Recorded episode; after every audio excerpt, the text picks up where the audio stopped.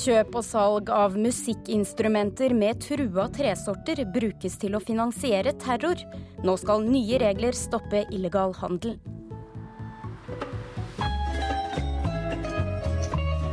Nordmenn ligger på europatoppen i serieutroskap. Vi sniktitter på neste episode, den som man egentlig har avtalt å se med kjæresten.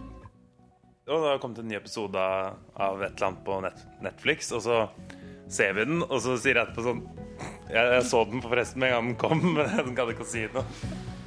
Og Elena Ferrantes bok 'Svikne dager' er til tider så sterk at den gjør vondt å lese. Dette er Kulturnytt. Mitt navn er Stine Traalt. Velkommen skal du være. Et stort omfang av klassiske musikkinstrumenter som gitarer, trommestikker og fioliner er laget av truede tresorter, såkalt regnskogtømmer. Handel med disse treslagene er en av de største truslene mot naturmangfoldet i, i verden, og den brukes bl.a. til å finansiere terror. Nå er håpet at nye og strengere regler kan av import og eksport av musikkinstrumenter skal regulere handelen. Ja, dette er jo da en eh, nesten stemt gitar. Dette er da en eh, amerikansk Gibson-gitar bygget i Boseman, Montana. Side og bunn og hals er laget av mahogni. Gripebrettet er i palisander, eller rosewood, som er internasjonalnavnet. Og lokket på gitaren er av gran, som er vel eneste tresorten her som ikke er noe umiddelbar fare, fordi det er fra Nord-Amerika.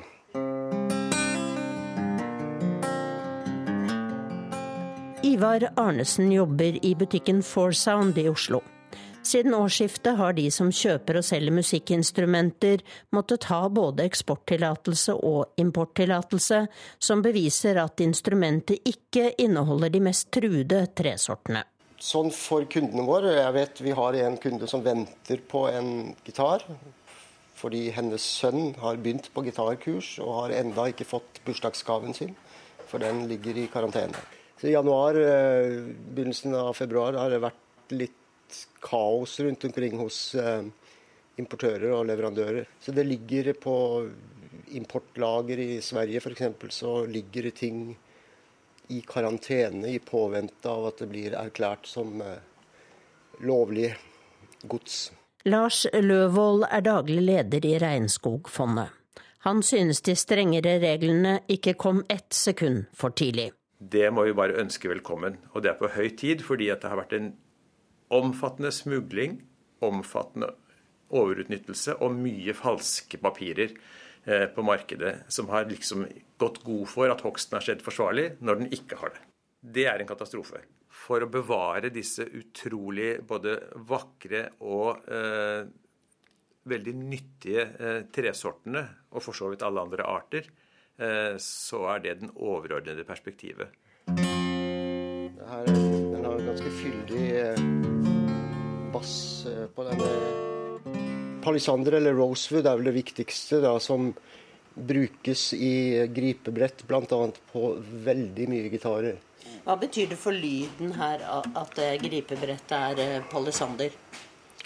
Ja, altså Det er jo en kombinasjon av de forskjellige treverkene som gjør det at, at lyden blir sånn som man forventer en god gitar skal lyde.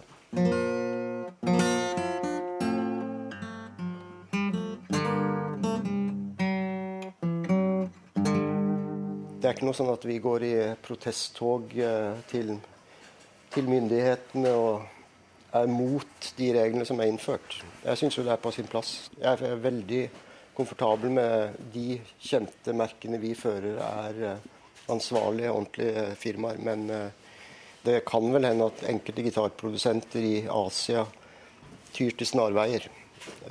Men jeg vil vil si at ingen av de merkene vi fører på noen som helst måte kan mistenkes for eh, sånt.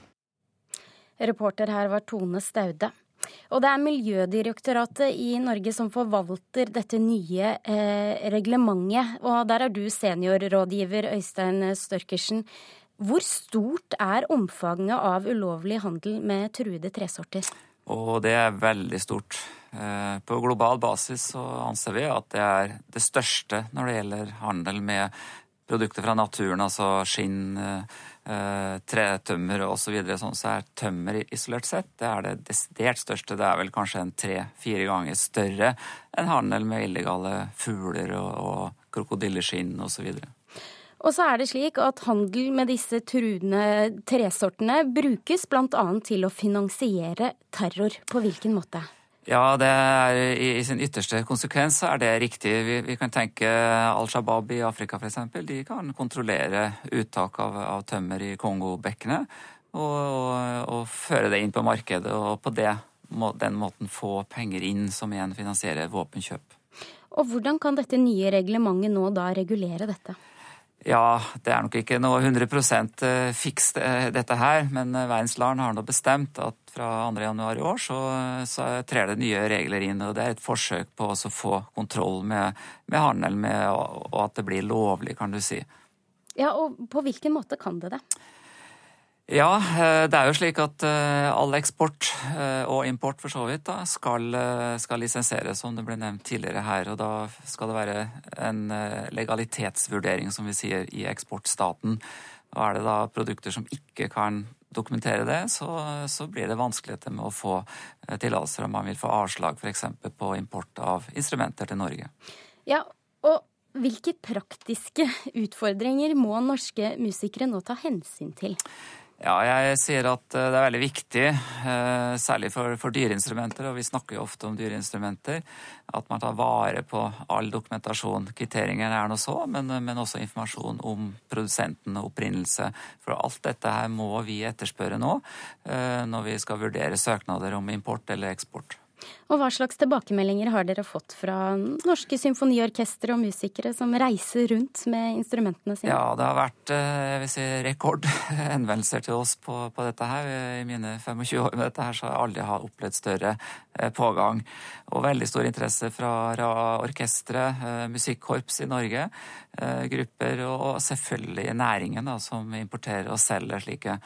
Så, så de lurer jo litt på dette her, og vi forsøker nå å orientere så godt vi kan. Mm, og det fins faktisk et unntak fra disse reglene. Hva går det ut på?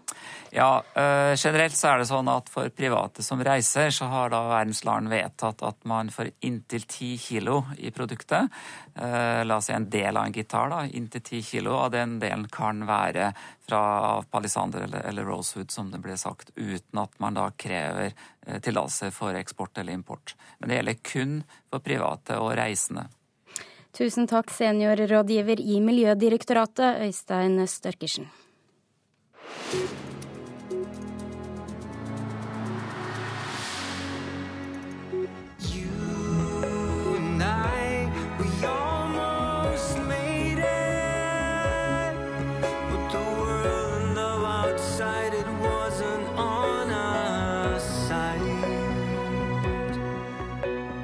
Dette er Kristian Valens sang 'You and I', som er hans bidrag til årets Melodi Grand Prix.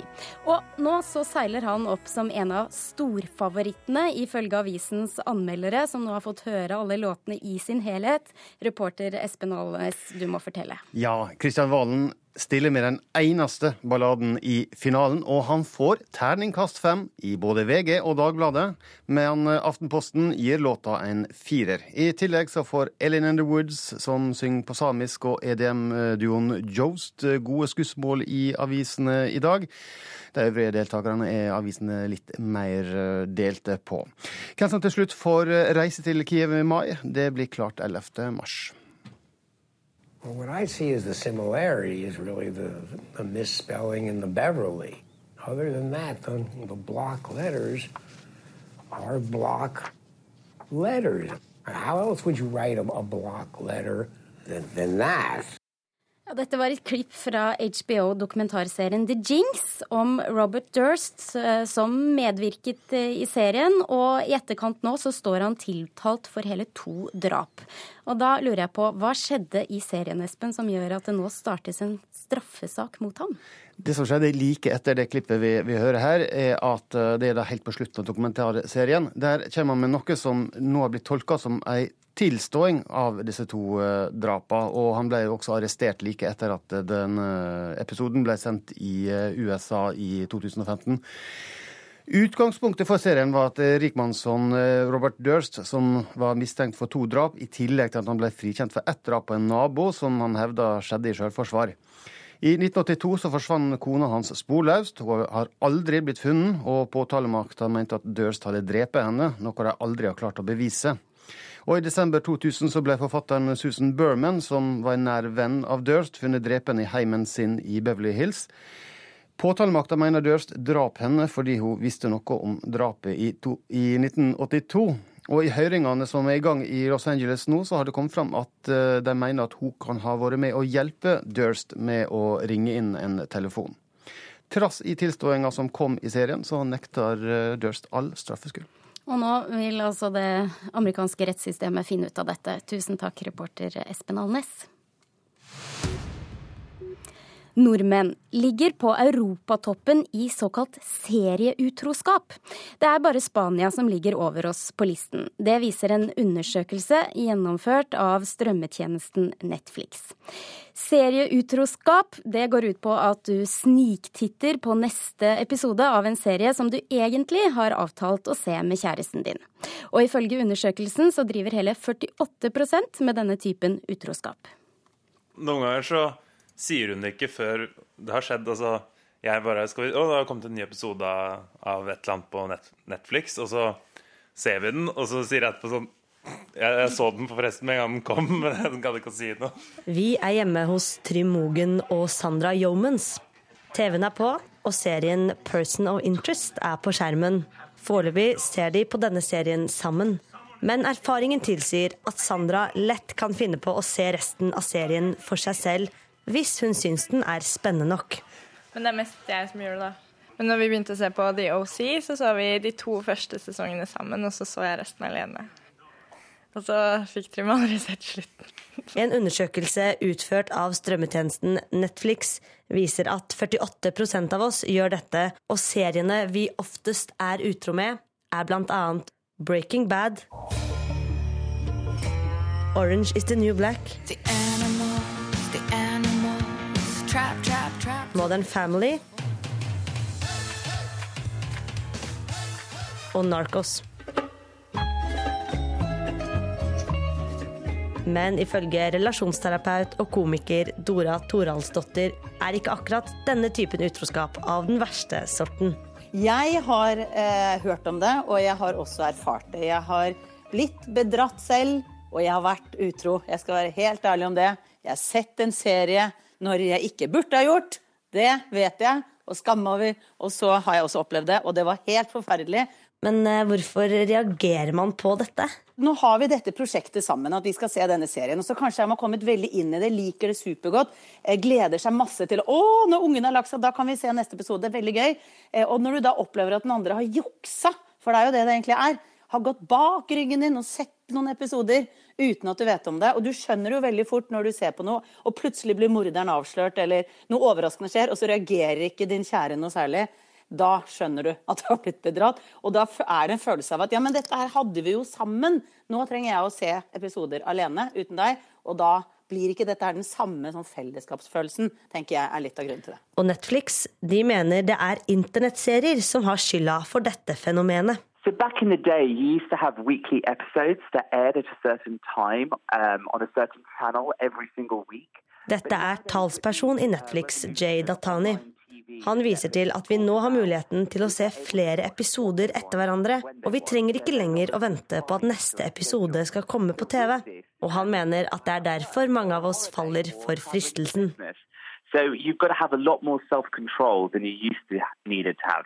Hjemme hos Sandra og Trym er det noe som tyder på at det ikke er helt rettferdig når det gjelder serieutroskap. Men jeg føler at uh at du er ganske streng på det. fordi som Forrige helg når hun var bortreist, så så jeg liksom på Nytt på Nytt. Og da fikk jeg sånn Så du Nytt på Nytt uten meg, liksom? Vi pleier å se det på søndager sammen. Så han fikk altså se Nytt på Nytt en gang uten deg?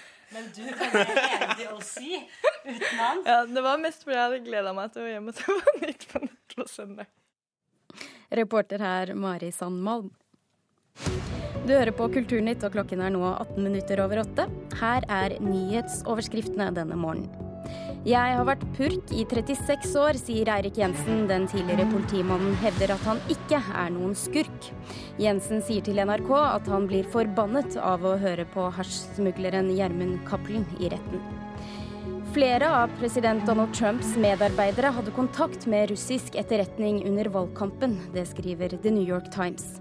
Telefonlogger og avlyttede samtaler viser det, ifølge avisa. Og nordmenn har det siste året fått stadig høyere forventninger til sin egen og landets økonomi. Slike forventninger er viktige for å få fart på økonomien, sier Finans-Norge. Elena Ferrantes Napoli-kvartett ligger godt bak oss. En stor litterær suksess med mange lesere. Og nå er forlaget i gang med å oversette romaner som ble skrevet før de fire bøkene om Lenu og Lilias eh, livslange vennskap. Først ute er romanen 'Svikne dager'. Kritiker Leif Ekle, gjør forlaget lurt i å gi ut Ferrantes første bøker, syns du? Ja, definitivt. Uh, Iallfall hvis jeg skal dømme etter denne 'Svikne dager'. Det er en uh, veldig, veldig sterk roman, ja. Og hva handler denne boka om? Uh, den, det er en helt annen type roman. Den foregår over et mye En, en Sammenligna med Napoli-kvartetten, så foregår denne her i, i et lite tidsrom. Fire måneders tid i Torino. Eh, Riktignok så er hovedpersonen eh, Olga, fortelleren Olga, født i Napoli.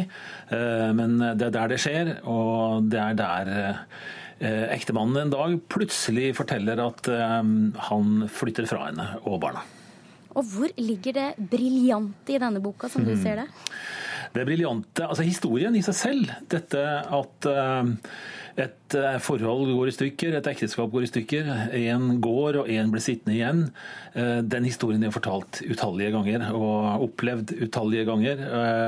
Det briljante, hvis vi skal bruke ordet, det ligger i språk og måten dette er fortalt på. Det, det er Olgas fortelling om det å bli forlatt og hennes reaksjoner på det.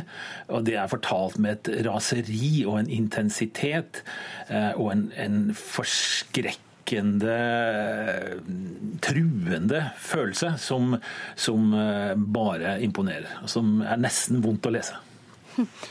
Men så er det jo sånn når man blir glad i et forfatterskap, eh, en serie bøker som Napoli-kvartetten, at man ikke da klarer å helt frigjøre fra dette når man leser en ny bok. Ja, og kanskje særlig når man da skal på en måte gå tilbake i forfatterskapet til et punkt som ligger foran. Mm. Eh, Men det er, det er faktisk ganske irrelevant. Eh, Nå kan man, kan man si at det finnes trekk i denne boka som peker fremover. Det er litt rart å tenke at den nå kommer her, kommer etter den andre. Men, men det er trekk her som peker fremover mot, mot uh, Napoli-kvartetten. Uh, det er personer her som kanskje er, har samme forelegg som, som personer i Napoli-kvartetten. Iallfall lett å tenke på, på, på, på noen av dem som, som om de har det, og, og noen referanser er like. Og så finnes det jo i Napoli-kvartetten en tilsvarende historie, eh, der Lenu går fra sin mann eh, for å gå til en annen mann. Eh, alle husker det som har lest dette. Hun går til Nino. Og, og, og der får du to fortellinger som, som ligner denne, men da med, først med Lenu som går, og så Lenu som, som blir forlatt. Mm. Hvor stort er egentlig det omfanget av Ferrantes forfatterskap? Hva kan vi vente oss? Ja, det kommer i alle fall, eh, om ikke jeg husker feil nå i farten, så, så kommer det tre romaner til. De kjenner jeg dårlig til. Eh, jeg har definitivt planer om å få tak i dem og, og, og lese dem så fort som mulig. Men, eh, men eh, er, hun har jo skrevet en hel del bøker, men, men det blir nok Napoli-kvartetten som, som blir stående. Det var den hun slo igjennom i, i hele den vestlige verden iallfall. Og også denne gangen så er det Kristin Sørsdal som har oversatt boka. Eh, denne boka, 'Svikne dager'. Eh, Hva syns du om oversettelsen? Eh, For det første så burde vi vel takke Kristin Sørsdal for å ha stått på overfor forlaget for å få dem til å oversette Elena Ferrante. Hun prøvde jo før Napoli-kvartetten også, bl.a. denne boka her. Og det andre er at altså jeg, jeg kan ikke italiensk. Eh, og, og kan ikke vurdere og, og hvor, hvor, godt det er, men jeg kan vurdere uh, språket hennes, det nynorske språket hennes. Og det er like spill levende nå som, som det var uh, i Napoli-kvartetten. Det er fullt av levd liv, dette her, altså. Tusen takk, litteraturkritiker Leif Ekle. Hele anmeldelsen din kan man lese på nrk.no.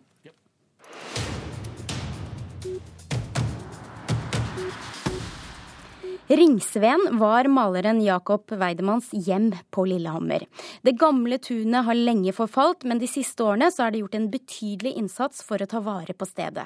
Og nå håper ildsjelene bak å skape ny aktivitet i de gamle bygningene. Dette er Jakobs atelier som nå er i bruk. Og har vært i bruk, faktisk, de siste ti årene av forskjellige kunstnere. Gunnar Tore Larsen viser rundt på Ringsveen i Lillehammer, heimen til maleren Jakob Weidemann. Det er Jakobs gamle stol. Den begynner å bli nokså shabby, men den eh, er nå der den var. Han sitter i styret til stiftinga som forvalter arven etter den kjente kunstneren som døde i 2001. Det er jo til stadighet småting som må utbedres. Men det har holdt seg forbausende bra siden vi tok hva skal vi si, den, det lille krafttaket det var å ta over her. Over én million kroner av egne midler er brukt på hovedhuset. Verst sto det til med de to tømmerstovene som Weidemann i sin tid flytta til gards fra Dovre. Så da vi kom inn her og tok over i praksis midten, for en ti års tid siden, så var forfallet helt fatalt. Da var denne her i ferd med å falle ned, faktisk. Omsider kom et spleiselag i stand mellom det offentlige og private givere. 1,6 millioner kroner er brukt, der Kulturminnefondet står for om lag en tredjedel. Det er et kulturminne som oss mener det er viktig å ta vare på. Sier direktør Simen Bjørgen i Kulturminnefondet. Ikke minst pga. Weidemanns tilknytning til, til dette levende kulturminnet. Det andre er at det har blitt satt i stand på en god antikvarisk måte. Og det tredje er jo at her skal det være en bruk. Reporter i dette innslaget var Arne Sørenes. Og nå er det vår oppgave å lære dere om norske verdier. Dette er ku. Han kommer til å gi deg alt du trenger for å klare deg i Norge. Følg godt med. Appelsiner. En bjørnefitte, vær så god. Bjørnefitte? Ja. Vær så god. Mellomleggspapir. Kan du si det? Oppholdstillatelse? Nei.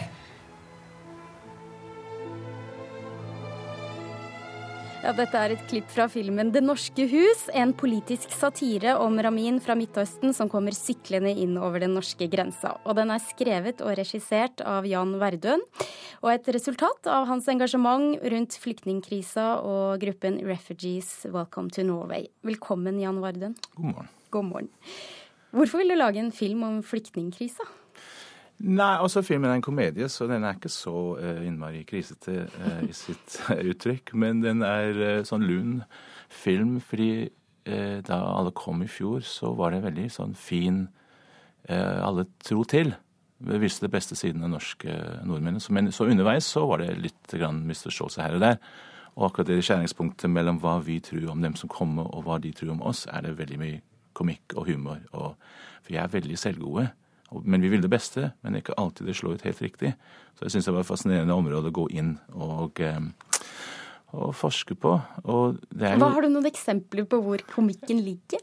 Ja, altså, Vi tror at fordi vi har homoekteskap og likestilling og en kvinnelig statsminister og uh, i det hele tatt har vi liksom nådd toppen av samfunnet, egentlig. Uh, og hvis de som kommer, bare gjør det akkurat som oss, så har de løst det meste. Men vi på en måte glemmer litt å spørre, eller tenker kanskje de har noe å bidra, bidra med. Eh, mm. At de er en ressurs. Og så, så, får man Altså De som har sett filmen, eh, vi har hatt noe snikpremiere, de, de flyktningene flyktninger som har sett filmen, sier de har opplevd hver eneste situasjon. Og de som har bodd her i 30 år, sier at de har opplevd hver eneste situasjon. Men de som jobber med flyktninger, også føler seg litt berørt. Både på godt og vondt. Du er selv født i London. Ja. Kom til Norge i 1988. Ja, kanskje, kanskje det. Jeg husker ikke lenger. Men uansett, hvordan var ditt møte med Norge, da? Nei, Det er flere ting som jeg syns er veldig morsomt. Det ene er at du skal ikke besøke folk i middagstid. I motsetning til resten av verden. Hvis du kommer rundt sekstiden, så blir vi møtt med veldig sånn merkelig Ja, nå spiser vi. Ja, ja. Ja, ja, men der burde jeg kanskje komme tilbake seinere. Det, det er veldig norsk ting. Også det er null sukker i, sukker i kaffe. Altså Jeg måtte liksom, jeg kunne være møte med 50 folk, en eneste, ikke en eneste sukkerbit å oppdrive. liksom.